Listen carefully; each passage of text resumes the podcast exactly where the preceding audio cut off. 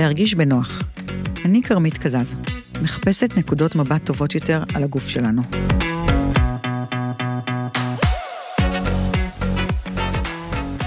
בפעם הראשונה שנסעתי לקנות בגדים אחרי הלידה, חזרתי הביתה בוכה. לא זיהיתי את עצמי, והרגשתי שהחיים שלי נהרסו. היה לי חלום, רציתי לצאת מבית חולים. כאילו מעולם לא ילדתי. בואו, ראיתי בטלוויזיה מלא נשים שיצאו עם ג'ינס שהם לבשו עוד לפני ההיריון. ותמיד נרשמה התפעלות מאותן נשים שיוצאות כאילו הם לא ילדו, אז רציתי גם, אבל זה לא קרה. כעסתי על עצמי שאכלתי כמו פרה, והנה, זו התוצאה, ככה זה נראה. אמרו לי, תניקי, זה מרזה. זה לא עבד. אמרו לי, תסיימי שישה שבועות, תעשי ספורט בלי הפסקה, וזה בדיוק מה שעשיתי, וגם זה לא עבד. לא נראיתי כמו אותה נשים שחזרו לעצמם אחרי הלידה. הביקורתיות שהייתה לי על הגוף לא נולדה עם הלידה, היא הייתה שם עוד הרבה הרבה לפניה. אבל אף אחד לא הכין אותי לשלב הזה. השינוי הכי גדול שקורה לגוף, והוא בעצם מגיע אחרי הלידה. קחי את הביקורתיות שהסתובבתי איתה כל החיים, תוסיפי להורמונים של יולדת, וכל מה שחשבתי עליו היה, אל תהיי לוזרית, אל תוותרי לעצמך. אם את לא תתחילי לדרוש מהגוף שלך לחזור למה שהוא היה, זה פשוט לא יקרה. ומה לעשות, זה לא קרה מהר כמו שרציתי, והתסכול הלך וגדל. היום אני כבר 11 שנים אחרי שאיתי נולד, ואני מבינה שפשוט לא קיבלתי את הכלים הנכונים להתמודד עם השינוי הגדול של החיים. השינוי שמגיע בעקבות ההיריון והלידה. ולצורך כך הזמנתי לכאן היום את רעות בן קמחי, שהיא פסיכולוגית רפואית. היא מייסדת ומנהלת מכון בנפשך, מכון פסיכולוגי לטיפול בנשים. הייתי רוצה לשמוע ממנה איך אפשר להתמודד נכון עם הגוף הזה שקיבלתי אחרי הלידה, הגוף שמה לעשות, לעולם לא יחזור להיות כנראה מה שהוא היה, וזה בסדר כנראה, ולא פחות חשוב, איך אני, כחברה, כאימא שיום אחד הבת שלה תלד, קולגה לעבודה, צריכה להתייחס לנשים אחרי לידה. אז שלום רעות, מה שלום, שלומך? שלום, שלום, הכל מצוין. אני מאוד מאוד שמחה שאת כאן, כי אני חושבת שזה אחד השלבים הכי משמעותיים שאנחנו צריכות ללמוד לקבל אותו בצורה נכונה. אז uh, אני אפתח בשאלה הכי חשובה, שנראה לי מסקרנת כל אישה, לפני או אחרי לידה, מה הבעיה עם הרצון הזה שאנחנו חולמות עליו לחזור לגוף שהיה לנו לפני הלידה? זה חלום שהוא לא לגיטימי? כל חלום הוא לגיטימי באשר הוא כחלום. אה, אני גם לא חושבת שיש בעיה עם הרצון. הרצון הוא uh, מגיע מכל מיני מקורות, הוא מגיע מהרצון להחזיר את עצמי למי שהייתי, גם פיזית כמובן, אבל גם נפשית, וגם חברתית, וגם קוגניטיבית. הלידה ואימהות זה דבר שמשנה אותנו מקצה לקצה, נוצרת שם uh, זהות אחרת, נוצר עוד חלק בתוכנו שאנחנו צריכות ללמוד לחיות איתו. והדבר הזה הוא מאוד מאוד מבלבל, ונשים רוצות uh, לחזור למה שהיה, כי שם זה המוכר. עכשיו, מה זה לחזור? מי שהייתי, באיזה אופן? לגוף שהייתי, אפשר לחזור בכלל? לגוף שהיה, אפשר to undo את הלידה, אני לא בטוחה שאפשר לעשות דבר כזה. אפשר להגיע אולי לאיזון מחודש, אפשר להגיע אה, לחוויה אחרת או לתחושה אחרת, אבל לחזור, אני לא יודעת אם אפשר. יואו, זה קטע, כי כשאת אומרת את זה, אני כאילו חושבת על זה שהרי אנחנו כל הזמן חולמות נגיד על הגוף שהיה לנו פעם, וכאילו לא משנה בת כמה את, גם אם כאילו, גם אם את עכשיו בת 50, אז את חולמת על גוף שהיה לך ב-40. וכשהיית בת 40 בטח חשבת על גיל 30. בדיוק. כשהיית 30 חשבת על 20, וכשהיית 20 אמרת זה דוחה גם ככה. ככה אני נראית, אני לא אוהבת את הגוף. אז זה כאילו מאוד מאוד מתחבר לי, כי כאילו זה אותו חלום שיש לנו כל הזמן לגוף שהיה לנו פעם. נכון. נוסטלגיה היא חלק אה, באופן כללי אה, מחיינו, אנחנו תמיד, או אה, הרבה פעמים רוצים לחזור לפעם. פעם שהיינו, וואי, בטיול אחרי צבא, איזה כיף היה שם, יואו, כשהייתי סטודנטית, איזה כיף היה פעם. הפעם שולט הרבה בחיינו, אבל כשזה מגיע לגוף ולדימוי גוף ולמה שקורה בחברה שלנו באופן כללי, זה הרבה יותר מורכב. מה קורה בחברה שלנו? למה זה מורכב?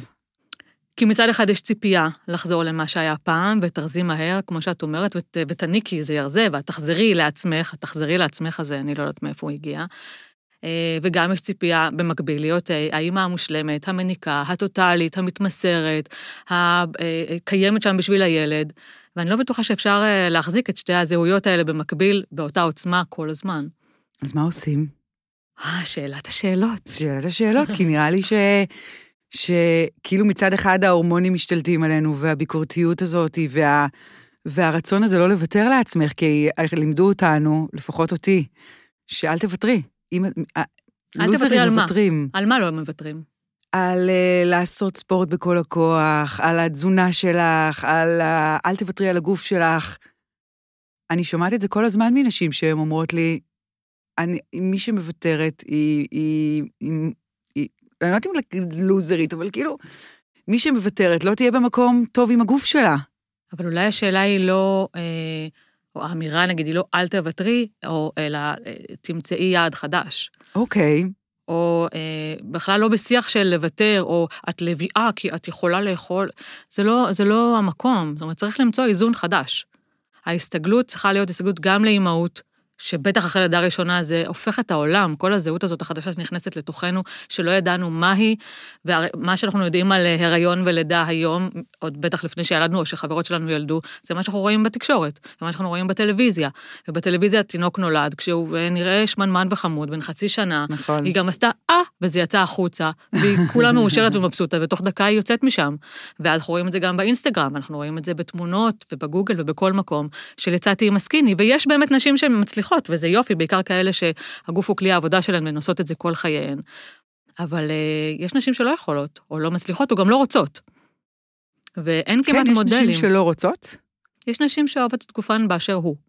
זה תלוי באיך הן יהיו קודם, אה, קודם, גם אוקיי. בתפיסה שלהן את עצמן, גם בדימוי הגוף שלהן, גם במה שהן היו רוצות להיות, וגם באיך הן אוחזות את גופן. אז בעצם מה שאת אומרת, שאם אני אה, אהיה אישה שמקפידה על ספורט ועל תזונה לפני, זה יכול להשפיע על איך אני אצא מהבית חולים? מניחה שכן. אם שרירי הבטן אה, אה, מספיק חזקים ואוחזים את הגוף, אה, הם יכולים לחזור על עצמם גם אחר כך. אבל לא כולן ספורטאיות ולא כולן דוגמניות, רובנו לא. רובנו, אני מכללה גם את עצמי בתוכנו. לגמרי. ורוב הנשים, יש להן גוף ממוצע. ורוב הנשים בהיריון אין להן כוח, והן רוצות רק להימרח על הספה, והן לא רוצות ללכת החוצה ולעשות כושר, וגם אחרי. לא סתם קוראים למשכב לידה, משכב לידה. לשכב, לנוח, 45 ימים, זה, וזה עוד קצת. ו- ואם אני רגע חוזרת רגע למה שמשדרים לנו, בכל מקום שאנחנו, נגיד אם אני אראה בטלוויזיה, אז הרבה פעמים מפארים את זו שחזרה, המנכ"לית שחזרה לעבודה שבועיים אחרי הלידה, או, או מישהי שמראים אותה יוצאת עם הבן זוג שלה אחרי, לא נזכיר שמות, אבל כאילו יוצאת עם הבן זוג שלה שלושה ימים אחרי הלידה, עולה לבמה, אני הייתי עם הילדים שלי בהופעה, ו, אה, ו, וראיתי שם מישהי שפשוט, אמרתי איך יכול להיות שהיא לפני דקה ילדה, כמה זה היה? זה היה איזה שבוע, שבועיים אחרי הלידה, נכון. והיא על הבמה. אבל אלה המסרים הסותרים, כי מצד אחד אומרים, וואו, כל הכבוד למנכ"לית, איך היא חזרה לעבודה, איך היא אה, מסורה לעבודה שלה. מצד שני, אומרים אה, לשחקנית, מה את עוזבת את הילד שלך בבית? איזה מין אימא את? ואז, מה אנחנו צריכות להבין מזה? שמותר, שאסור, שצריך, שמה נכון, כן להיות אימא, להיות אשת קריירה, איך אפשר להחזיק את כל הדבר הזה, לג'נגל את הכל ביחד ולהיות מושלמת בהכל? כי אם את לא מושלמת, גם יגידו משהו עלייך. כמובן, שאת מוותרת, מוותרת. שאת לא דואגת לעצמך, שאת לא דואגת להמשך שלך. אז אכזבה, והאכזבה אגב היא גם מבחוץ, גם מהסביבה, גם מהסביבה הקרובה, והרבה פעמים גם מתוך עצמנו. כי המסרים החברתיים והסביבתיים הם כבר טמועים בנו מילדות. אנחנו גדלים לתוך הדבר הזה ומאמינים בעצמנו שזה הדבר. ואז אני חושבת לעצמי, איזה ותרנית אני, אם אכלתי אה, פרוסה עם שוקולד בערב, ובן הזוג שלי או בת הזוג שלי חוזרים הביתה ואומרים לי את אותו הדבר, וזה אה, עוד יותר קשה, כי זה אה, תוקף אותי משני המקומות, גם מבפנים וגם מקבל אישור מבחוץ. אבל באמת זה הדבר. באמת אסור לי לאכול פרוסה עם שוקולד אחרי שיצא ממני בן אדם, ילדתי בן אדם, הכנתי בן אדם בגופי, והוא יצא מתוכי. הגוף שלי החזיק תשעה חודשים יצור, והוא יצא מחור קטן, והוא לא יצור בכזה גודל של החור הקטן. שכאילו כשאת אומרת את זה, אני חושבת שזה כזה גורם לאיזושהי, למחשבה אחרת, כי כאילו המחשבה היא תמיד מאוד מאוד, אה, אה, הביקורתיות, ה, ה, את יכולה לעשות את זה, ואז פתאום כשאת מדברת על זה ככה, אז אני אומרת, וואלה, מגיע לי פרס בעצם, ממש מגיע ואני לך לא פרס. נותנת לעצמי את הפרס הזה. נכון. לא פרס, לא חמלה, כלום. רק קדימה, ותעבדי, ותהיי, ואת מסוגלת, והלאה. זאת הסיבה, אגב, שהרבה נשים שקשה להן לא אומרות. אין לגיטימציה. אין לגיטימציה לקשה לי, אין לגיטימציה ל... אין לי כוח עכשיו לעשות ספורט, וממש לא בא לי גם לעשות דיאטה, ואני גם צריכה אה, לנוח, כי הגוף שלי גם ממשיך להזין את היצור הזה שהרגע ילדתי, ואין לי כוח, אין לי כוח. אז איך, הופכ... איך אני בעצם יכולה להפוך את הדבר הזה ללגיטימי? איך אני מתמודדת עם זה?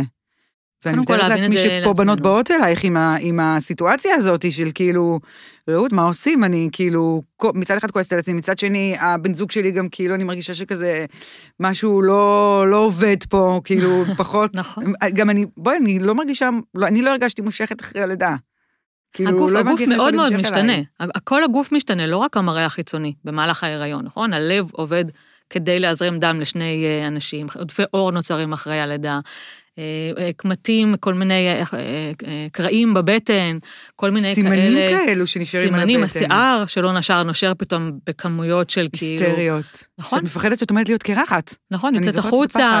יוצא לך פתאום חלב, את חוזרת עם עיגולים בחלוצה רטובים, וככה צריכה להרגיש מושכת? אה, לא נראה לי. פחות. פחות. אני זוכרת את עצמי אחרי, ה... בחופשת לידה, אז הלכתי, הלכתי עם, אה, עם הבן זוג שלי ועוד זוג חברים להופעה, ופתאום זה, זה התחיל, וחברה שלי שגם הייתה פשוט הוציאה את הפד מהחזייה והעבירה לי. ואז אמרתי, איזו סיטואציה הזויה שאנחנו. מחליפות.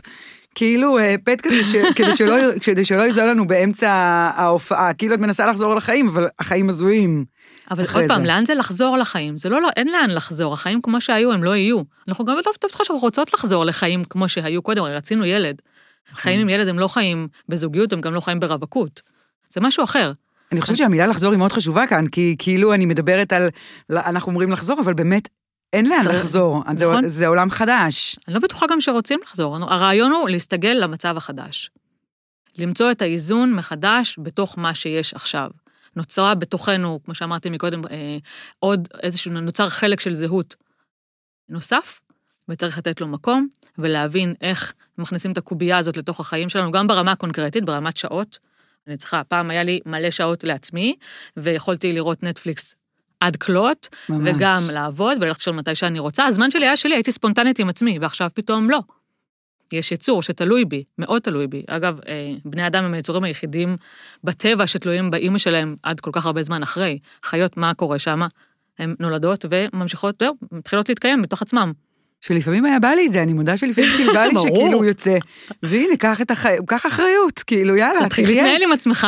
כן, נכון. זה נשמע פתרון, אבל זה לא קורה ככה. זה לא ככה, ויש תלות, ויש את ההיקשרות, וחלקנו גם רוצות את ה... אנחנו רוצות גם את החלקים האלה, אבל צריך ללמוד לעש- לעשות להם מקום. הזוגיות משתנה, יש לה פחות מקום, או מקום אחר, נוצרת אה, אה, חלקיות של אימהות, אבהות, ולאט לאט צריך ללמוד להסתגל למצב הזה, ובתוך זה, עם, תור, עם המון חמלה בעיניי, ואהבה לעצמנו, ולדבר המדהים שעשינו בזה הרגע שהוא, מה, כמעט אלוהי, נכון? יצרנו בן אדם. יצרנו בן אדם, הולדנו, הבאנו אותו לעולם הזה, בלעדינו הוא לא היה כאן. זה מדהים. זה מדהים, ואני חושבת שכאילו, אני לא, אני לא זוכרת אחרי הלידה שהסתכלתי על, ה, על היצור, לא בלידה הראשונה ולא בלידה השנייה שעברתי, שהסתכלתי עליו ואמרתי, יואו, אני לא מאמינה שאני יצרתי את הדבר הזה. כי הייתי כל כך מתוסכלת מ- מ- מ- מהשינויים, ו, ואני לא חושבת שגם מישהו, לא אימא שלי, לא הבן זוג שלי, אף אחד לא עצר רגע ואמר לי, תקלטי מה עשית פה, תמחאי לעצמך כפיים. נכון. זה לא היה. נכון. וכן צריך לתת לזה מקום, וגם מקום לאבל. יש אבל על הגוף שהיה ולא יהיה יותר, אוקיי, זה מעניין. נכון? הוא, אה, הרבה נשים, בטח בלידה הראשונה, בטוחות שהן יחזרו לעצמן, אפרופו הלחזור הזה. כן. אבל זה לא שם. והאכזבה אה, מביאה לתחושה של אבל, ותחושה של אובדן, ולפעמים דכדוך עד כדי דיכאון, לאו דווקא דיכאון אחרי לידה, אבל מין הבנה כזאת שמה שהיה לא יהיה יותר. ויכול להיות שיהיה טוב, ויהיה טוב יותר, או יהיה טוב אחר, אבל מה שהיה לא יהיה. ועל זה אנחנו צריכות, צריכות לתת לזה רגע, להתאבל על זה, לתת לזה מקום, גם פיזי, גם נפשי. למה אנחנו כל כך אה, רוצות את, ה, את הילדים? אז כאילו, לפי מה שאת אומרת, כאילו אני אומרת, וואלה, כאילו אני ויתרתי פה על אה, חיים חופשיים, את מתארת את זה כתהליך של אבל. מה קורה פה שאני כל כך רוצה את זה ומוכנה לוותר על כל כך הרבה דברים בחיים שלי בשביל זה? זאת שאלה, שאלת השאלות במיוחד ב- בישראל. המדינה הפרו-נטלית, מעודדת הילודה, המממנת אה, טיפולי פוריות עד שני ילדים, לכל אישה. ולא מממנת הפלה. זאת אומרת, כאילו, אם תרצי לעשות הפלה פה, ת- ת- תהיי באיזושהי בעיה. לא רק שהיא לא מממנת, היא גם לא מאפשרת, אלא אם עברת ועדה שמאפשרת לך אה, ומחליטה על גופך. את אה, מכנסה אותי למקומות שאני מאוד אה, כועסת בהם. לא סתם נכנסתי לשם, כנראה, ש... כנראה שיש סיבה שאני מדברת על זה. נכון, נכון. אמ, אבל באמת, אז, אז מה, אה, זאת אומרת, אני, איך, איך אני מגיעה, למה אנחנו מגיעים למצב הזה, אז שאנחנו באמת כל כך רוצים את, ה, את הילד? את אומרת שזה משהו שתפיסתי, זאת אומרת, משהו כ, שאנחנו כעם היהודי שרוצה להתרבות ו... כן, כן, העם היהודי עצמו? שרוצה להתרבות, גם בגלל אה, ההיסטוריה שלנו, גם בגלל המלחמות, גם בגלל אה, הדמוגרפיה ועוד כל מיני סיבות שקיימות כאן. כן, יש אה, הפרו ורבו, נכון? זו המצווה הראשונה בתנ"ך. נכון. אנחנו אה, כולנו רוצים למלא, אני לא בטוחה שהרבה מהאנשים בכלל שואלות את עצמן, האם אני רוצה ילד. אני לא חושבת ששאלתי את עצמי, זה היה לי ברור. זה פשוט קורה שם, זה חלק ממה שאנחנו יודעות שיקרה. אנחנו נגדל, נתחתן ונביא ילדים. ואין אין שם שום שאלה על הדבר הזה. ואז זה פשוט קורה. וגם כשמתכוננים לזה, אז כל ההכנה היא להיריון, נכון? והכנה נכון. ללידה. אין הכנה ליום הראשון בבית עם התינוק, בואי תראי מה הולך לקרות שם. שם הנשים נשארות לבד. וגם השחרור מהבית חולים, בואי נחשוב על זה שנייה, אוקיי? אישה משתחררת מהבית חולים ביום השלישי אה, אחרי הלידה, שידוע שברמה ההורמונלית זה היום שההורמונים נוחתים, מתרסקים על הרצפה, ואז הסיכון שלה לדכדוך דווקא באותו יום, זה לא אומר שהיא תיכנס לדיכאון אחרי לידה, אבל ה baby blues, הדכדוך, התחושות האלה שאני לא מצליחה להחזיק את עצמי ברמה אה, ההורמונלית, זה היום הכי קשה זה היום השלישי, וככה היא הולכת הביתה. ומגיעה הביתה עם היצור הזה בסלקל, שאלוהים ישמור מאיפה הוא הגיע ומה עושים איתו בכלל, אף אחד לא נולדת אימא, אף אחד לא יודעת מה לעשות עם הדבר הזה. הם נכנסים הביתה, וצריך לטפל בזה, לבד, תוך כדי שאומרים בחוץ, יואו, איזה לוי את, בואי תאכלי, בואי תעשי, למה לא ספורט? כן ספורט, תראי את הגוף שלך, "אה, למה את... זה נורא נורא קשה, באמת קשה. אם עכשיו אני באה אלייך ואני רוצה לקבל טיפים מלפני הלידה, זאת אומרת, אני אומרת לך, אני, אני הבנתי שאני צריכה לקבל משהו, אני צריכה להבין את זה. מה היית אומרת לי לעשות? אני לא יודעת אם לעשות כמו לחשוב, אוקיי, כמו להיות. לתת לזה מרחב, להבין מה זה אומר, מה הולך לקרות, שהגוף הולך לעבור עכשיו אה, אירוע שהוא מאוד מאוד משמעותי וטראומטי. הגוף, הגוף חווה טראומה, אוקיי? קורה משהו שם מאוד מאוד גדול, אה, שמשנה אותו. זה לא אומר שזה יהפוך לפוסט-טראומה, זה לא אומר שהגוף לא יחזור לעצמו, אבל לוקח לו זמן להתאושש. תחשבי שאנחנו עכשיו נוסעות, נוסעות בכביש, ופתאום מישהו חותך אותנו במהירות בלי ששמנו לב, והלב שלנו אה, יורד לתחתונים, ופתאום אנחנו מבוהלות נורא. לוקח לנו קצת, לא יודעת, כמה דקות כדי לחזור לעצמנו. להחזיר נשימה. וזה רק אוטו שחתך אותנו לרגע, זה לא מישהי חתכה אותנו באיברים האינטימיים שלנו ויצאה משם, כמו שכבר אמרתי, אבטיח. אז צריך לתת לגוף זמן, וצריך לתת אה, להתבוננות להיות. מה זה אומר שאני הולכת ללדת? מה זה אומר עליי? מה זה אומר על הגוף שלי? מה זה אומר על הזהות שלי בעולם? מה זה אומר על החלקים שלי שהם של אנשיים? על החלקים האימהיים? הרבה פעמים אחרי הלידה, אה, כל מיני אה, מחשבות, או כל מיני דברים שחשבנו, שהיו קודם עם האימהות שלנו, עולים שוב. כי פתאום עכשיו אני אימא ואני מבינה ממקום אחר, מה שאולי חשבתי אחרת קודם. אני מבינה יותר את אימא שלי, אני מבינה פחות את אימא שלי, אני כועסת עליה יותר, אני כועסת עליה פחות. מה קורה כשיש כבר ילד בבית? איך הוא מקבל את האח הזה? איך אני צריכה גם לאהוב את האחד שהיה עד כה מלך חיי, ועכשיו גם להכניס עוד אחד. יש לי מקום בלב, הלב הוא משהו שהוא מתרחב, הוא לא מתרחב, זה יהיה על חשבון, כמה אשמה, לידה אגב מביאה מלא אשמה, כן, אימהות ואשמה הולכות ביחד. לגמרי.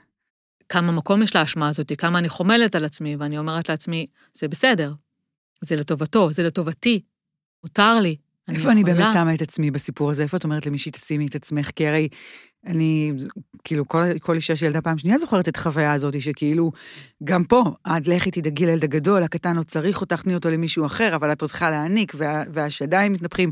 ו, ונראה לי שאנחנו לא יודעות איפה לדאוג לעצמנו בתוך הדבר הזה. אנחנו צריכות לדעת, אנחנו צריכות לזכור, או לפחות למנות אה, נציג שיזכיר לנו. ואת זה אפשר לעשות אולי לפני הלידה, אפרופו מה אפשר כן לעשות. מה זה אומר? לדבר עם הבן זוג, או עם הבת זוג, או עם, או עם אימא, או עם חברה.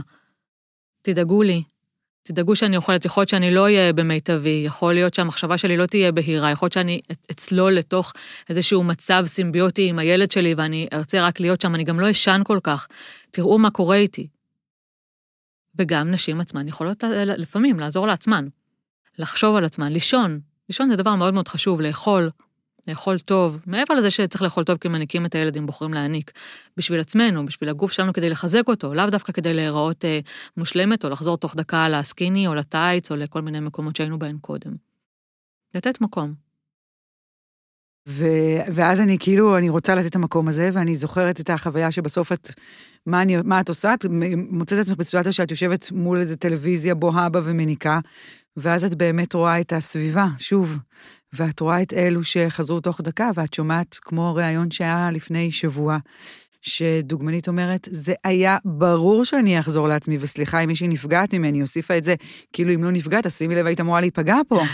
וזה, זה, כאילו, כל מה שאת מתארת מאוד מאוד משפיע בעיניי על הדימוי גוף, כאילו כל החוויה הכוללת הזאת עם הילד החדש, עם הילד הישן, ואז את שומעת את זה, וכל מה שבא לך זה כאילו להסתכל על הפליטות ולהגיד, די, מה, מה, מה קורה פה?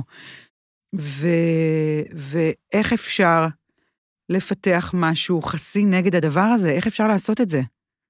זה קשה. זה קשה במיוחד אחרי לידה שכל המנגנונים הם קצת יותר ראויים, כל המנגנוני ההגנה, כל היכולת שלנו לשמור על עצמנו, כל הכוחות. כי באמת עברנו עכשיו משהו מאוד מאוד גדול, גם בגוף, גם בנפש, גם ברמה החברתית, הקוגניטיבית, בכל רמה שהיא. וצריך לנסות לזכור שלא כולן אה, אותו דבר, לא כולן אותו מודל. לאחרונה לאט לאט יש יותר ויותר מודלים נוספים של נשים שהן יותר מלאות ומרוצות מעצמן, של נשים שחזרו אה, אה, אחרי לידה ומעלות כל מיני תמונות באינסטגרם של עצמן עם סימני המתיחה והאור המדולדל. ו- ואז ברגע שיש עוד מודלים, אני יכולה לנסות למצוא את עצמי באחד מהם. אבל כל עוד יש רק מודל אחד, של הדוגמנית שיוצאת החוצה עם הסקיני ומצטלמת בחוץ, וכולם אה, רואים את זה בכל מקום, ואני לא יכולה למצוא את עצמי שם, אז אני מרגישה שאני לא בסדר. כי אם היא אה, בעיתונות ואותה מראיינים וככה היא נראית, אז ככה צריך להיראות. אבל ככל שיהיו יותר מודלים, באינסטגרם, אה, בפייסבוק, ברשתות החברתיות, וגם סביבנו, בחברה הקרובה, בסביבה הקרובה אלינו, נוכל למצוא את עצמנו שם יותר. ככל שיש יותר דיבור על עוד דברים, ויש יותר לגיטימציה לעוד תחושות, הרגשות, מרא, מראות, אז ככה יהיה לי, או לכל אחת, יותר קל. זה מתחבר לי למשהו שהבנתי אותו בעיקר בשנה האחרונה, של הפיתוח של החשיבה הביקורתית. Mm-hmm. כי, כי אני חושבת שלפחות אני חוויתי את זה כשאני ילדתי, שכאילו קיבלתי את הכל כמובן מאליו. גם זה היה לפני 11 שנה, אז האינסטגרם עוד לא היה, לא, לא בטוחה שהייתי שם אפילו. ו, ואז באמת מי ששלט במה שצפיתי זה מה שהיה בטלוויזיה. ו, ומה שאת אומרת מתחבר לי לזה שאם אני רגע אגיד, רגע, זה באמת ככה? הרי אם אני ארשום בגוגל אה, בטן, אחרי, בטן אמיתית אחרי לידה, פתאום יעלו לי אותן תמונות שאת מדברת עליהן. והיום בעודן של הרשתות החברתיות אני גם באמת יכולה לבחור אם אני הולכת לעקוב אחרי מאמנת כושר שחזרה בדקה לגוף שלה, או שאני הולכת לעקוב אחרי נשים שמראות את הבטן האמיתית של אחרי לידה, ולא חסר היום. כאילו, היום בעידן הזה אני באמת יכולה להפעיל את הביקורת שלי ולהגיד, רגע, מה שאתם מראים לי, זה לא זה. ואני יכולה להסתכל על זה אחרת, ונראה לי שזה מאוד מאוד עוזר למי ש... נכון. זה לא רק זה, יש זה. נשים שבאמת, זה, ככה הן נראות. כי הגנטיקה שלהן אה, כזאת, וכי הן עבדו על זה, וכי הן ספורטאיות, יש כאלה. ויש נשים שלא. וזה בסדר, כי יש מקום לכולן. נכון. אני חושבת שאולי אה, אה, העידוד הוא, אם כבר מדברים על לחזור, זה לא לחזור למה שהיית או לגוף שלך, אלא לחזור אולי למה שהרגשת. אם אני הרגשתי לפני הלידה או לפני ההיריון מאושרת, לנסות לחזור לזה. לחזור לרגשות שהיו, לא לחזור לגוף שהיה. כי הגוף משתנה גם ברמת אה, התזוזה של העצמות, העצמות, עצמות האגן משתנות, נכון? המבנה שלו משתנה כדי לאפשר ללידה להתקיים. כן. אז לחזור, עוד פעם, אין, אה, אבל להסתגל למצב החדש, או לנסות למצוא אה, אושר, או סיפוק, או משמעות חדשה, זה כן. שזה נשמע כאילו ממש להסיט את המחשבה שלך מרגע, זה לא רק הגוף, זה באמת המשמעויות, מה שיצרת, זה, זה נשמע לקחת את זה למקום אחר, וזה נשמע לי כאילו משהו שצריך להבין אותו לפני שאת יולדת, כי לא, כי לא, אני לא חושבת שאמרו לי את זה. לא, לא, אז בשביל זה אנחנו כאן. כן, כן, לא, אני, אני מתלהבת מה, מהגילוי הזה. זאת אומרת, אם אני רגע אחשוב על זה, כמה זמן באמת לוקח לגוף לחזור, לא יודעת מה, אני חושבת שאפשר להפסיק להגיד לחזור לעצמו, כמה זמן באמת לוקח לגוף להיות משהו שאני ארגיש איתו יותר בנוח? את, יש מספרים לזה? אפשר לדעת את זה? אני חושבת שזה מאוד אינדיבידואלי. נכון, הרבה פעמים נשים אה, חושבות על משקל. אם אני אחזור למספר המשקלי שהיה לי, סימן שהגוף חזר לעצמו. אבל גם אם אני אחזור למשקל שהיה לי, הוא לא ייראה כמו שהוא היה. גם באותו כן. משקל. וגם לחזור למשקל זה קשה. כי, כי הכל השתנה. כן. הרגלי האכילה משתנים, השעות של האכילה משתנות, יש שם עוד יצור שצריך להאכיל אותו, גם כשהילד בן שלוש או ארבע, והוא אוכל ואנחנו אוכלות את השאריות שלו מהצלחת. ברור. נורא נורא קשה וגם חבל, זה ממש טעים לאכול את השאריות, אז למה להגיד לזה לא? לגמרי. זאת אומרת, אולי החשיבה צריכה להיות לא רק על הגוף, אלא על הנפש, או על uh, ההתנהלות ביום-יום, או על uh, אירועים חדשים שאפשר להכניס. משהו שהוא מעודד לכיוון צמיחה, או לאיזושהי חזרה, לא חזרה, לה- להתכווננות אחרת, מאשר להסתכל כל הזמן על מה שהיה ועל החצי כוס ריקה, נגיד, שאני לא יכולה להיות מה שהייתי קודם. החוויה שלי, באמת בפגישות שלי עם נשים, היא כל כך רחוקה ממה שאת אומרת, כי, כי, כי כשאני פוגשת אותם, אז, אז יש את ה... כאילו, הן יכולות להיות כבר חמש שנים אחרי לידה, והן עדיין אומרות שהן אחרי לידה. זאת אומרת, זה משהו ש... זה בהגדרה האישית של עצמן. אוקיי. נכון? כי אם אישה מרגישה מוזנחת, היא מרגישה אה, לא שווה, היא מרגישה אה, אה, פחות טובה, נגיד, אז היא תסתכל כל הזמן על המקום שבו היא הייתה טובה, ואז היא תסתכל, בפער הזה היא תיפול, ברמה הרגשית. נכון? אבל בעיקרון, אני חושבת שמה שמוביל אותנו לאיך שאנחנו מתנהלים, זה לאו דווקא האירוע, אוקיי? אלא איך שאנחנו מתמודדות איתו. זאת אומרת שאם קורה משהו במציאות, ואנחנו אה, מפרשות אותו באיזושהי צורה, הפרשנות הזאת תוביל אותנו לאיזושהי תחושה, ואיתה אנחנו נישאר. אמרת שאת מודדת אפרת? אני צודקת? יפה! אה, טוב. צום כרמית, יאללה, בואי תסבירי. לא, לא, תסבירי את, את המקצוענית פה. תסבירי, כי אני חושבת שזה משהו, זה כלי שהוא מאוד מאוד חשוב. את מדברת כרגע על ההתמודדות אחרי לידה, אבל זה משהו שהוא כלי שהוא טוב לחיים באופן נכון, כללי. נכון, נכון. תסבירי רגע. אפרת זה מודל, אה, זה ראשי תיבות. אה, אירוע, פרשנות, אפרת רגש ותגובה. אוקיי? שמדבר על זה שאנחנו אחראים על איך שאנחנו מגיבים לדברים, ולא מה שקרה לנו. זאת אומרת, יש אירוע שאני לא שולטת בו. נכון. זה קרה. קורה, החיים קורים, ואנחנו אה, מתמודדים עם מה שקורה לנו, ואנחנו רואים הרי שהרבה פעמים אה, לא כולם מגיבים אותו דבר לאותו אירוע. נכון? חלק מגיבים בצורה מסוימת וחלק מגיבים בצורה אחרת, וזה בגלל הפרשנות של הדבר. אז אם נגיד, אה, אני אישה שלא מצליחה להיכנס להיריון, אוקיי? ובאה חברה ואמרה לי, נחשי מה? בראש שלי, הנחשי מה, הפרשנות שלי זה שהיא תכף הולכת להגיד לי שהיא בהיריון, וזה הולך למוטט אותי ואני לא רוצה בכלל להיות שם. הרגש שלי יהיה עצב, קנאה, כעס, דכדוך ודומיהם, והתגובה שלי תהיה להתרחק ממנה אולי, אה, להיות מאוד מאוד אה, עצובה מזה, לא לרצות ללכת להיות, לפגוש אותה במקומות אחרים. זה בגלל הפרשנות, עכשיו, זאת פרשנות מאוד נורמלית, כן? אני רגע בסוגריים אומר שאישה שרוצה להיכנס להיריון ולא מצליחה, אה, מרגישה המון המון רגשות מאוד מאוד קשים, וזה נורמלי למצב הלא נורמלי שבו היא נמצאת. גם מניעת הורמונים, תוך כדי, לא? כן, בדרך כלל. כן, כן, תל, תלוי באיזה שלב, אבל כן, בעיקרון כן, אבל זה לא רק ההורמונים, זה כל החוויה, אפרופו החברתית והסביבתית, והצורך בילד, לצד הרצון בילד. נשים, אגב, בטיפולי פוריות, להן יש את הזכות או את הפריבילגיה לחשוב קצת על מה זה אומר להיות אימא לפני שהן נכנסות אה, להיריון, בעל כורחן, כי יש להן פתאום את הזמן שהן לא רצו אותו קודם. אה, אבל אם נחזור רגע למודל, אה, אז אם קורה איזשהו אירוע בחוץ, הפרשנות שלי היא זאת שתעזור לי אה, אה, לנתב את הרגש שלי ומשם את התגובה שלי לדבר. אז בואי ניקח נגיד אירוע שקורה לאישה אחרי לידה. שאימא שלה אמרה לה, מסתכלת עליה ואומרת לה, למה עכשיו לאכול את העוגה הזאת? חבל, חבל. את יודעת, ילדת עכשיו, תראי איך את נראית. אז הפרשנות יכולה להיות? אני, וואי, בטח אני נראית זוועה, וכל מי שרואה אותי לא... אומר, יואו, זאתי? מה, מה נסגר איתה? היא לא שולטת בעצמה. איזה יצור אני, איזה לא שווה, בשביל מה אני כאן? ואז התחושה היא, הרגש? כישלון, אכזבה, באסה, איזה גרועה אני. אני חושבת שהתגובה היא דווקא, זה לא שאני אפסיק לאכול, אני אמשיך לאכול, אני פשוט אהיה מאוד מתוסכלת יכול להיות. זאת אומרת, גם תמשיכי לאכול, כי זה לא עוזר כשאומרים לא לאכול. אבל עם רגשות אשמה, כאילו אוכל עם אשמה. נכון, שהוא ממש לא מזין, בטח לא את הנשמה. נכון, והנשמה לפעמים אפילו יותר חשובה מהכל. היא זאת שמזינה אותנו. נכון. נכון, אבל יכול להיות שאם אמא שלי תגיד דבר כזה, ואני אפרש את זה בתור, אני מבינה שהאישו של אמא שלי זה עם המשקל שלה, והיא קצת משליכה את זה עליי, אבל זה לא באמת שלי, אז אני יכולה להרגיש אולי חמלה כלפיה. אני יכולה להרגיש אולי אה, שאני יכולה לעזור לה, כי היא זאת שקשה לה, והתגובה שלי תהיה לצחוק על זה. ולהגיד לה, אמא, בואי, את, את, אני, אני. סתם, לדוגמה. אבל זה מדהים שאת אומרת את זה ככה, כי זה נורא, אני, זה נשמע לי כמו סיטואציה שהיא בריאה יותר, נכונה יותר, אבל היה לי קשה לעשות, היה לי קשה לחשוב עליה ברור. באותו רגע. זה נורא קל לי להגיד את זה מהצד, בחוץ, עכשיו, כשאני לא במצב הזה, אבל זה דורש אימון, וזה דורש הרבה פעמים הסתכלות ומודעות ו... ועצירה, ולא תמיד אפשר, וצריך אנשים מסביב שיעזרו. אה, אבל כשמתאמנים על זה ומנסים לעשות איזשהו שינוי חשיבתי או לעזור לעצמנו בצורה הזאת, אז זה מצליח.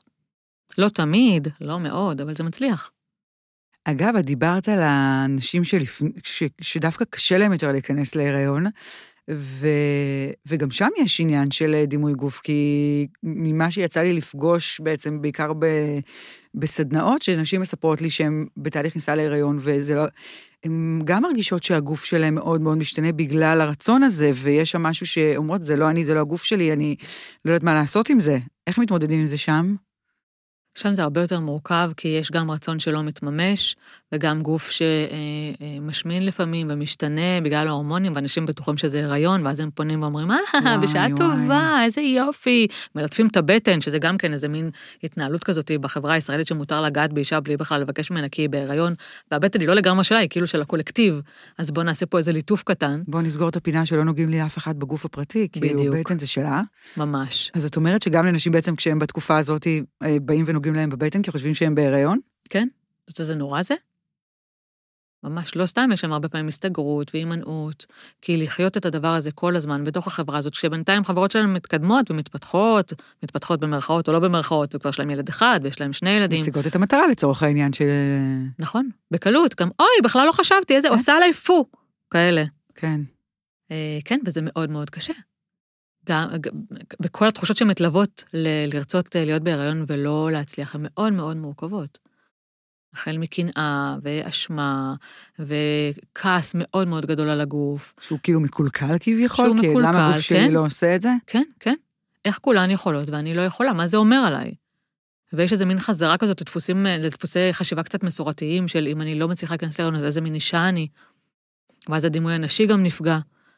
והחברה כבר פחות עוזרת, כי לא כולן מבינות, ונשים האלה הרבה פעמים חושבות שאף אחד לא יבין אותן. אני חושבת שבגלל שאני לא עברתי את זה, באמת יהיה לי קשה להבין הרבה פעמים. את לא צריכה להזדהות איתן, ולשמחתנו לא עברת את זה, אבל את יכולה להיות מאוד אמפתית, כי את התחושות האלה את חווית בטוח, את היית עצובה פעם. את פעם אוקיי. רצית משהו מאוד ולא קיבלת אותו, או לא הצלחת להשיג אותו, או היית צריכה לחכות, או היית שונה מאחרים. את התחושות את כן יכולה להרגיש. ורגישות יש לך, אני מניחה. אני מקווה. אז אפשר להיות שם בשביל נשים שקשה להן, אבל צריך להיות מאוד רגישים ומאוד עדינים, ומאוד לשאול ולבקש רשות, ולראות איפה הן צריכות אותנו כדי שאנחנו נעזור, ולא איך אנחנו חושבות שצריך לעזור. וואו, זה, זה סופר סופר רגיש ו... וכאילו אני כל הזמן חושבת, בגלל שחוויתי את, אחרי את הסיטואציה אחרי לידה של הגוף, אז, אז באמת זה משהו שככה אה, חשוב לשים גם אליו את תשומת הלב. אני חושבת שאחד הדברים החשובים להבין זה קודם כל, לעולם never ever, אל תשאלי אישה, מה, את לא רוצה ילדים? כי נראה לי שזה מישהי. שכאילו מנסה להיכנס להיריון. עכשיו, אני אומרת את זה ממקום הכי כואב, כי אני חושבת שנפלתי בזה מלא, לא היה לי את הרגישות לדבר הזה, ואני בטוחה ששאלתי נשים, מה, את לא רוצה ילדים, כשיכול להיות שהם רצו ו... אה, ו... ו... ולא ידעתי אפילו שהם בחוויה הזאת, ו... וגם לעולם, לעולם, לעולם, לא להגיד לאישה, לא לשאול אישה נראה לי אם היא בהיריון. זאת אומרת, אני חווה את זה בסדנאות לא מעט, שהרבה פעמים אני מדברת על, אני מלמדת איך אה, אה, לעשות, לייצור עוד שילובים, ואחת החוויות זה שמישהי מגיעה עם בטן שיכולה להיראות הריונית. ואני חייבת לעצור, כי אני אומר, אני לא, אני אסור לי לשאול את השאלה הזאת, נכון. עד שהיא לא אומרת. ו, ו, וקרה כבר שזה היה נראה שזה בטן הריונית, וזה לא הייתה בטן הריונית. ולעולם, לעולם, לעולם לא לשאול, ואם היא רוצה שתשתף, וזה גם נכנס לי למקום של השיפוטיות. זה שאת רואה בטן, זה לא אומר שיש פה מישהי בהיריון. נכון. וזה שהיא בהיריון זה לא אומר שהיא רוצה לספר, כי אולי נכון. זה כבר ההיריון השלישי ושניים קודמים לא הצליחו והיא עברה לידה שקטה. כאילו, לכבד את, ה, את הפרטיות, זה לא רק על ה... כאילו, זה, זה, זה, זה הרבה מעל איך שאנחנו מסתכלים על הגוף גם, בתוך הדבר הזה. נכון, נכון. ואז, ואני חושבת שאם כבר אנחנו מדברות על זה, אז בואי נדבר רגע על באמת, על הסביבה גם. זאת אומרת, אני, כשאני פוגשת את, אה, את אה, אה, את יודעת, את חברה שלי שהיא אחרי לידה, מהמם. ויש לי, אני נורא, כאילו, אני חושבת שאנחנו, אני, אנחנו נגיד את זה ממקום טוב, ממקום שאני רוצה להגיד לה שהכל יהיה בסדר, והיא תרגיש טוב עם הגוף. אז, אז אני אזרוק איזה, אני יכולה בטעות לזרוק איזה מילה לא במקום, וחשוב באמת להבין מה אומרים ומה לא אומרים בדבר הזה. זאת אומרת, איך, איך להגיב, איך, אני עכשיו באתי לבקר חברה שלי שהיא ילדה, מה אני אמורה להגיד? אולי את אמורה לשאול, אוקיי, מה שלומך? איך את מרגישה? לשמוע מה היא אומרת. לפעמים אם את רוצה לשתף גם בחוויות שלך, ולא רק, יהיה בסדר, יאללה, בואו נתגייס, לאו דווקא זה. כי אה, דווקא השיח על גם לי היה קשה, ואחר כך אולי על איך יצאתי מזה, או אפילו רק על הקשה, עוזר לאישה לא להרגיש לבד. וכשהיא לא מרגישה לבד, אז כבר היא מרגישה טוב יותר. כי הכי גרוע זה להיות לבד עם הצער שלך ולהיות בטוח, להיות בטוחה שאת האישה היחידה שעוברת את הדבר הזה, כי כולן, אפרופו, יוצאות החוצה עם הסקיני והסלקל. ברור. רק, רק אותם אני זוכרת. ברור. זה נחקק לי בתוך הראש. אז זאת אומרת, כאילו, לשאול אותה, שאני חושבת שזה מאוד מאוד נכון, אני חושבת שגם לפעמים יש לנו נטייה כזה אה, להעצים, כמו שאמרנו, את זו שחזרה, לה- ש, שנראה לנו שחזרה לעצמה, אנחנו כבר מבינות שזה לא לחזור לעצמך. כן. אה, אז נראה לי שזה משהו שעדיף לא להגיד. אה, לא בגלל שזה, אה, נכון, כאילו, לא כל אחת, להאיץ. כל אחת באמת יש לה את הגוף שלה ואת הקצב שלה ואת הזמן שלה. נכון. אז מה, מה כן, איך אני כן יכולה לעזור לחברה אחרי שהיא ילדה? אני באמת חושבת לשאול אותה, מה היא צריכה? אוקיי. האם היא צריכה, כי יש נשים שירצו שיבוא מישהו ויקח את התינוק ויטפל בו והם ילכו רגע לישון. ויש נשים שאומרות, אני רוצה רק להיות זאת שמטפלת בתינוק ותכיני לי אוכל. אוקיי. תנקי לי את הבית, ת, ת, תביאי לי את הילד הגדול מהגן. ואם אם, אה, אה, את מוכנה ויכולה ורוצה להתגייס לעזור לה, אז שהיא תגיד מה. כי אחרי הלידה אנחנו מרגישות קצת חוסר שליטה. באופן. כללי, בגוף שלנו, בחיים שלנו, בזוגיות שלנו, בהתנהלות שלנו, אנחנו מגיעות למקום שהוא חדש ולא מוכר, ואולי אם היינו בטוחות שאנחנו יודעות הכל, כי אנחנו כאלה בחיים שלנו הכלליים או בעבודה, פתאום אנחנו מרגישות לא שוות ולא טובות ומהססות. אז דווקא לשאול אותה, מה היא הייתה רוצה, איך היא הייתה רוצה שזה יהיה, מחזיר לה שליטה על החיים שלה. וכשהיא מרגישה שיש שליטה, אז אנחנו מרגישים קצת יותר טוב. זאת אומרת שאני רוצה לתת איזשהו דגש על מה שאמרת עכשיו. לא דיברת על שום דבר ש... אה, אה, על, לא דיברת על תזונה, ואת לא מדברת על, על את רוצה לעשות ספורט, אלא באמת, לא לדבר על הגוף בכלל, לא להתייחס לרגע לגוף, כאילו יש פה משהו של... אה, של מה את מרגישה, מה את רוצה, מה את צריכה, וזה הדבר הנכון. והרבה נשים אומרות את זה לא ממקום רע. הן רוצות להגיד לי, יואו, איך איך את נראית טוב, איך רזית. והמחמאה הזאת שהיא כאילו נתפסת, לא כאילו, היא נתפסת כמחמאה, אבל יש בה, כמו שאמרת מקודם, המון אה, סאבטקסט שאומר שאם רזית אז את נראית טוב. ואז זה גם כל הכבוד. אבל אולי לא כרגע. אולי אה, מותר כאילו איזה 100 ימי חסד, או אולי קצת יותר. אני חושבת שיותר, כי בסוף אנחנו... אנחנו הולכות לסחוב את זה הרבה זמן. אה, אפילו לנצח, את יודעת, בסוף, בסופו של דבר, ה- ה- ה- הבטן שמשנה, הכפלים שנמצאים על הבטן, בדיוק אתמול סיפרתי לבן שלי שאני הולכת לדבר איתך, אז הוא אומר לי, אז תראי לי מה נשאר לך מהלידה, ופשוט הרמתי את החולצה והראיתי לו כל מיני סימנים על הבטן, ואמרתי לו, הנה, אתה רואה, זה עדיין כאן, למרות שאתה בן 11. כן. איך הוא הגיב? וואלה, כאילו, הוא הגיב באדישותו, זה לא ריגש אותו יותר מדי. אמ, אבל, אה, אבל זה, זה הגוף. כן, זה סימנים שנ- שנשארים בנו, כמו קמטים, נכון. שיש היום, גם זה, פעם אסור היה שיהיה קמטים, נכון? הכל פוטושופ והכל מתיחות, והיום יש נשים שמצטלמות, מבוגרות יותר, עם איך שהן נראות, ואומרות, זה הטבעי, זאת אני. ככה אני נראית. זה, זה גלגל החיים, לצורך העניין, במקום הזה של כאילו, נכון. ילדתי, אז יש לי בטן. והפנטזיה הרבה פעמים היא לעצור את הגלגל, נכון? לשתות, לשתות אה, ממעיין הנעורים ולהישאר כל הזמן, בעיקר נשים אגב, כי גברים אה, הם, הם מזדקנים בחן, לגברים זה בסדר. נשים צריכות להיראות טוב וכל הזמן. ואם אנחנו פה ננהיג איזושהי אמירה אחרת, הלוואי וזה מה שיקרה מכאן, של מותר לאישה להיראות אישה, ולא רק בהיריון אה, מקדשים את הגלגלות ואת הנשיות, אלא גם אחרי לידה אפשר להיות אישה בכל מיני גדלים, בכל מיני צורות. דיינו, אנחנו רק נרוויח מזה. ממש. אנחנו רק נרוויח, ואני רוצה רגע להוסיף משהו אמ, שאני דווקא חווה הרבה אמ, כשאני פוגשת אה, נשים שאחרי שהן, אה, אחרי בעצם החוויה הזאת של הלידה, שהן משאירות מול העיניים בארון את הבגדים מלפני ה- בעצם ההיריון, וכשאני, כשהם כן, אני נמצאת בסיטואציה שאני נמצאת אצלהם בארון, ואני אומרת לה, אז למה בעצם הבגדים האלו נמצאים כאן? אז, אז הן אומרות לי, זה הדרייב. בזכות זה שאני אקום בבוקר ואני אראה שיש פה בגדים מלפני ההיריון, אני אצליח להיכנס אליהם שוב, אפילו לא לחזור למה שהיה, אלא באמת להיכנס אליהם שוב. ואני חייבת להגיד שבעיניי, להחזיק את הבגדים האלו בארון, זה, זה תזכורת ממש. מתסכלת יומיומית. כי יש, אה, אה, יש משהו בארון הזה שאני לא צריכה להתאים אליו, הוא צריך להתאים לי, בדיוק. הוא צריך לשרת אותי. כל פעם שהיא פותחת את הארון, הארון אומר לה, את לא טובה מספיק. בדיוק. אה, עדיין לא הגעת? חבל. והיא עושה את זה לעצמה, אפרופו שזה קורה לנו כן, מתוך כן. עצמנו. לגמרי. וה, ואני חייבת גם להגיד שלא פגשתי אישה שבזכות זה שהיא ראתה ג'ינס, היא התחילה לרוץ יותר.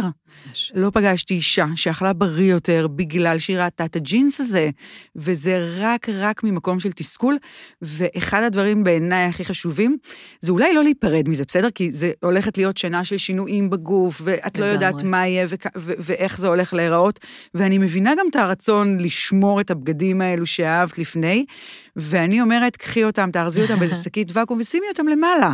נכון? שימי אותם שם, אל תראי אותם, תרגישי שאת רוצה אחרי תקופה מסוימת לבדוק אם את נכנסת לזה, אחלה, אבל תשימי מול העיניים, באמת באמת, רק את מה שאת יכולה ללבוש כאן ועכשיו, מחר בבוקר. שאומר לך את יפה, כן, שאומר לך את טובה, כי כשאנחנו מרגישים טוב, אישה שמרגישה טוב מבפנים נראית יותר טוב מבחוץ. יואו, זה כל כך נכון. ואם היא תרגיש טוב עם עצמה, אז היא תוכל להרגיש טוב גם עם הגוף שלה, אפילו שהוא לא אה, במידת הבגדים שהיו קודם. היום גם מחקרים מראים שאם נשקלים כל יום, אז הירידה במשקל אה, נעצרת. היא פחות טובה. כי כל הזמן לראות את הדבר הזה ולהיות מתוסכלים מזה שזה לא הצליח או כן הצליח, או ירדתי רק 100 גרם, ירדתי פחות מ-100 גרם, זה לא מוביל אותנו לשום מקום טוב. זה נכון. בתור אחת שהייתה עולה על משקל כל יום, והיום אין לה משקל בבית, אני אה, סופר מתחברת עברתי לזה. את אותו התהליך. אה, אז תגידי רגע, רעות, אז נגיד עכשיו אני רוצה, אה, נמצאת פה מישהי ש... או שחברה שלא עומדת ללדת, או שהיא בעצמה נמצאת בתקופה הזאת שעוד לא עברה את הלידה. מה, תני לה איזה כמה דברים, שלושה דברים כאלו שאת חושבת, שאם היא ת... ש- ש- שזה, את יודעת, זה, זה לא לעשות, זה אפילו אולי באמת בקו מחשבה, כמו שאמרת, שבאמת יעזרו לה להרגיש בריאה יותר, לכוון אותה למקום הבריא יותר. אז קודם כל, לי מאוד חשובה הבריאות הנפשית, אה, לצד הפיזית. כן. אה, אז קודם כל לזכור, לזכור שעכשיו הרגע הגוף שלה, שלך, ייצר חיים. צריך אה, לקדש אותו, וצריך לאהוב אותו, ולחמול עליו ועלייך. לדעת שלוקח זמן להחלים מהפוגרום שקרה שם, וזה בסדר. וזה בסדר, המשקל יהיה בסופו של דבר, אני מניחה, מה שתרצי שהוא יהיה. אבל רגע, לאט-לאט, לא ישר ולא מהר ולא בכוח. כי כוח לא מוביל אותנו לשום מקום, להתאמץ עוד יותר ולרוץ עוד יותר מהר, ובסופו של דבר אה, להגיע, נגיד למשקל, אבל עם תסכול, אני לא בטוחה שזה שווה את זה. אז אני- לחמול, ולהיות, ולשמוח, ולעשות דברים ש, אה, שאוהבים, שאוהבות. לצאת, ולבלות, אה, ליצור את כן, הקשר. את חושבת שבזמן משכב לידה כבר אפשר לצאת? לא צריך לצאת אה, למסעדה אם לא רוצים, או ללבלות בהופעה, אבל לצאת לשבת במרפסת עם הבן זוג. אפילו זה, כוס יין. למשל. מותר כוס יין בהנקה מותר. אחת, נכון? מותר, מותר הכל, מותר מה שמרגישים בנוח איתו. לצאת מתוך המיטה, לצאת מהבגדים של הפלטה והזה. או אם את רוצה להיות בבגדים של הפלטה, זה גם בסדר, זה, זה רק קרה, זה רק קרה. שנייה, פשוט תתני לעצמך שנייה. וואי, זה כל כך, כל כך, כל כך חשוב. Uh, אני כאילו יכולה, לס... אני יכולה להגיד בסופו של דבר, לסיכום כל הדבר הזה, שהלוואי והייתי שומעת את זה לפני, כי אני חושבת שכל הנקודת מבט וכל ההסתכלות וכל החמלה, וכל ה... ה... ה... להסתכל על היצור המתוק הזה שיצרתי, ולא לכעוס עליו שהוא הרס לי את הגוף, אלא באמת להבין שהוא. שהוא נתן לי חיים מלאי משמעות. אחרי 11 שנה אני יכולה להגיד שהחיים מלאי משמעות. ו... אבל אני כן אגיד שהוא גם, גם הגוף נהרס, לא בגללו. אבל כן, הגוף נהרס, וכן יש את הקמטוטים, וזה בסדר שזה שם, אני לא רוצה שנמחוק את הרע, ואני גם לא רוצה שרק נראה את הטוב, אבל צריך לתת להכל מקום. נכון, נכון. לא שאחד ישתלט על השני, לא רק להגיד, אין, את יכולה, ולא להגיד, וואי, את מה זה תפוקה. לא זה ולא זה. גם וגם. כאילו, את אומרת, זה בסדר גם להסתכל במראה ולהתבאס על הקמטוטים האלו. כן, ולהגיד, הייתי רוצה שהם לא יהיו שם, אבל מצד שני, הם מזכירים לי שהגוף שלי ייצר חיים. זה נשמע לי מחשבה מאוד מאוד בריאה. ככה זה צריך להיות. אז רעות, ספרי לי רגע, איפה אפשר לשמוע עוד, ללמוד עוד ממך, לא... אולי להיפגש איתך אפילו? איפה מוצאים אותך? אה, אז המכון שלי, שלנו, בנפשך, נמצא בהרצליה. אני ועוד אה, שש מטפלות, פסיכולוגיות ועובדות סוציאליות, אה, מטפלות בנשים סביב הנושאים האלה. פריון, הריון, לידה, אימהות, וגם בקצת גברים, אבל בעיקר בנשים. מוזמנות להגיע, מוזמנות לשאול, יש אתר שיש בו את כל הפרטים, יש שם את הטלפון שלי. אנחנו נשים לכם קישור. יאללה. לאתר, לפייסבוק, לכל מה ש... כל מקום שתוכלו למצוא את רעות, כי היא באמת אה, נותנת גישה בריאה לכל הדבר הזה שקוראים לו הריון ולידה, תקופה לא מורכבת ו... וחשובה. אז תודה. תודה רבה שבאת, ותודה רבה ששיתפת אותנו ב... בכל הידע הרב שיש לך. אה, ואני, לכן אני אומרת שאני מאוד מאוד אשמח שתשתפו את הפרק הזה, וכמובן שתתייגו אותי, אתם יכולים לשתף את זה ברשתות החברתיות, או אפילו לשלוח לחברה שאתם חושבות שזה סופר יכול לעזור לדבר הזה שקוראים לו אה, דימוי גוף בתקופת ההיריון והלידה. אה, וכמובן שאם אהבתם, אז אני מאוד מאוד אשמח שתדרגו את הפודקאסט בספוטיפיי, באפל פודקאסט, וכמובן שתחפשו אותי, כרמית כזה, אז אני נמצאת גם בפייסבוק וגם באינסטגרם, ותודה רבה שהאזנתם לנו, ואנחנו נתראה בפרק הבא. להתראות. ביי.